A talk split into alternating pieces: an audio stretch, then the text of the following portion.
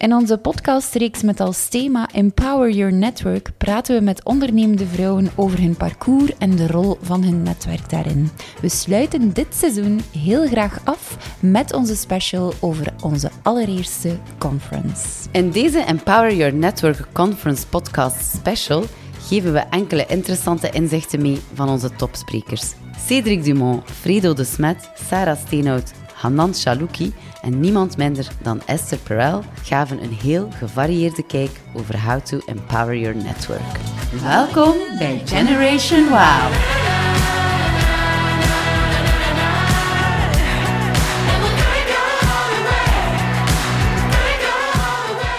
Wauw, dat is echt het enige woord dat ik voor mij kan beschrijven hoe onze conferentie Empower Your Network is verlopen.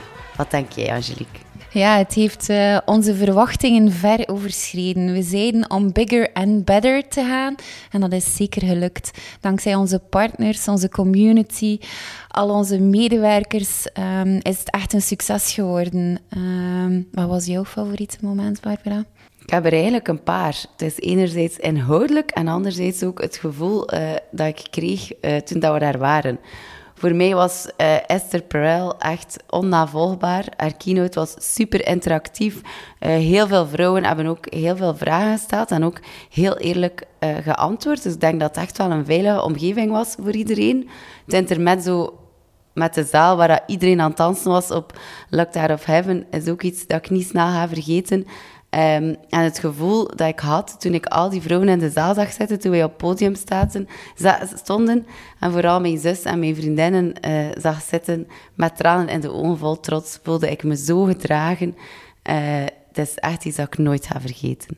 Ja, gedragen worden is wel echt ook uh, het gevoel dat de conferentie gaf in het algemeen. Zelfs bij binnenkomen van de zaal, het eerste moment dat de eerste speaker, Cédric Dumont, op het podium stond, was fantastisch om te zien dat zal ons altijd bijblijven. Um, ik zit nog altijd op mijn roze wolk, maar met mijn benen erdoor en met de voetjes op de grond. Een van de dingen die bij mij is blijven hangen, is ongetwijfeld de mooie quote van Esther Perel over vriendschap. Iets wat ik heel lang voelde vanuit mijn eigen mooie ervaring en zeker het afgelopen jaar meer dan anders. Het was ook echt super om te zien hoe dit duidelijk leefde in de zaal en heel herkenbaar is voor veel vrouwen.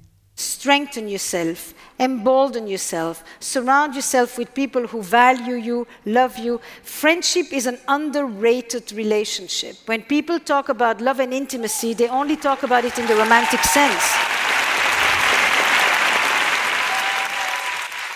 Echt een prachtige quote. En eigenlijk is vriendschap ook echt gewoon een heel belangrijk deel van netwerken. En dat is ook niet voor niets toevallig het thema van onze conferentie geweest, Empower Your Network. Er is op het podium heel veel wijsheid over gedeeld en vandaag wilden we enkele hoogtepunten meegeven uh, voor de mensen die aan het luisteren zijn, die het nog een keer willen opnieuw horen of die er niet bij konden zijn. Ja, ik vind dat echt een top wow idee dat we dat ook kunnen doen.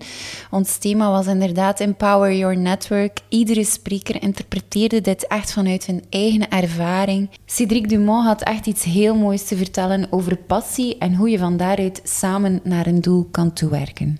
I think today, especially after the last two years, uh, we see a lot of people who are basically quitting their jobs. It's very hard to find the right people. There are many reasons for that, but one of the main reasons is uh, people lack purpose. And for me, having a, today a purpose driven mindset is the most important thing. It's basically where you make the difference. That's, the, that's where you become a real leader. It's basically leading with purpose and meaning. It's very simple, but it's your, I call this the why power. It's a very simple question. Why do you do what you do? I would never take these risks. I would never do what I do if I didn't have every day a very, very clear purpose. And before COVID, I was always telling people the new generation is looking for meaning and purpose. I think today every one of us are looking for meaning and purpose. You're not looking only for a job, you're not looking for a salary, you're, you're looking for, I hope, for much more.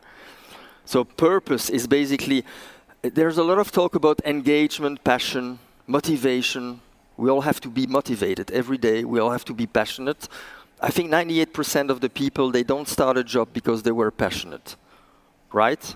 I see people who are becoming passionate, who are creating passion because they have a purpose.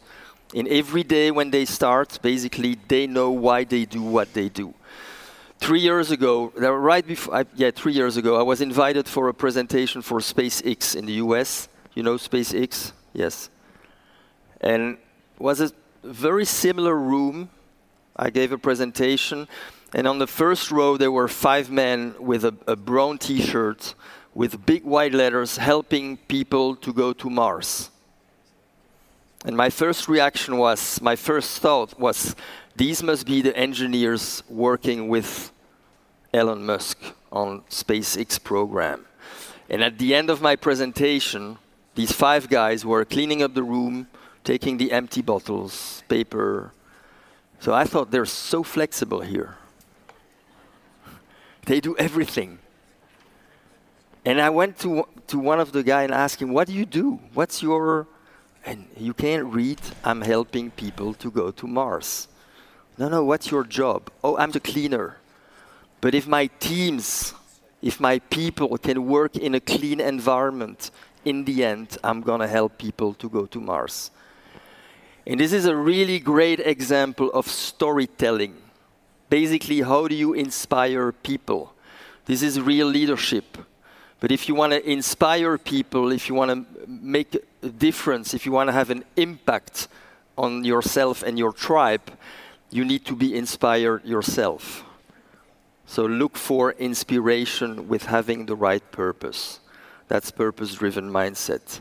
Dus onze purpose kan zoveel bepalen. Het helpt ons om keuzes te maken, het inspireert ons en het zorgt ervoor dat we kunnen doorzetten. Dat is eigenlijk wel heel krachtig. De digitale wereld is ook weer heel bepalend voor ons leven. Enerzijds als mens, maar zeker ook als ondernemer. Want we zitten allemaal een beetje met het idee van, ja, hoe ver gaan we daar nu in? En aan wat geven we onze aandacht? En uh, Fredo de Smet en Sarah Steenhout hebben daar twee heel interessante keynotes over gegeven. En daar willen we ook een aantal fijne fragmenten over laten horen. En dus ik hou heel hard van technologie. Ik hou echt heel hard van die tools. Ik hou heel hard van Google. Niet enkel om een soort oplossing te vinden. Hoe ga ik van A naar B?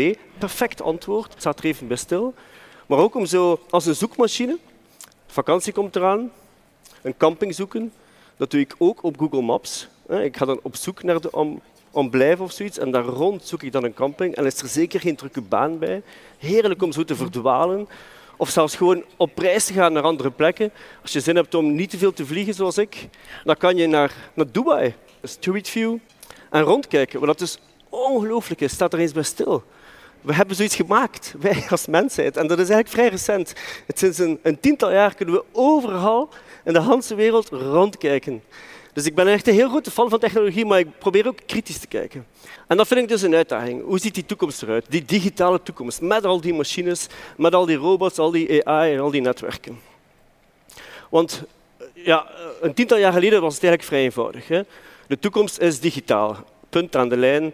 Er waren er conferenties als dit, waarin iedereen moest overtuigd worden om digitaal te gaan. Media ging digitaal worden, de politiek zou digitaal worden, met antagonisten en protagonisten. Het onderwijs werd digitaal, hebben we in de, in de, de pandemie heel hard gevoeld.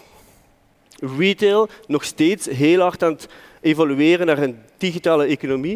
Ik weet niet of er mensen zijn die in de fast moving zitten, maar daar is nog heel veel te gebeuren. Wist je trouwens dat er meer dan 130 miljoen professionele livestreamers zijn in China. Mensen die zich de hele dag bezighouden met de livestreamen. Dus ja, er is nog een heel grote uitdaging. En we zitten dus op zo'n moment met die digitale technologie waar we heel hard aan het zoeken zijn van wat is, onze, wat is eigenlijk een goede manier om vooruit te gaan. Je voelt het ook in de media trouwens. Hè. Want plots staan er mensen aan het kapitool in de VS, overtuigd door een president die zichzelf, door bene, the real Donald Trump noemt op Twitter, helemaal overtuigd dat ze een, een koe moeten plegen, omdat iedereen verkeerd is, omdat die allemaal het verkeerde nieuws lezen. Dat is echt gebeurd. Dat is, nog dat is een klein jaar geleden.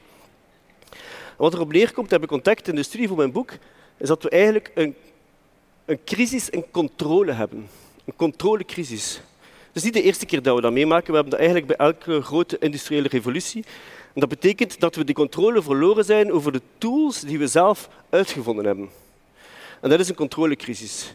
In die wereld van, van overvloed en die schaarste aan aandacht staan wij op een moeilijke positie. Ben ik echt de bewaarengel van mijn aandacht?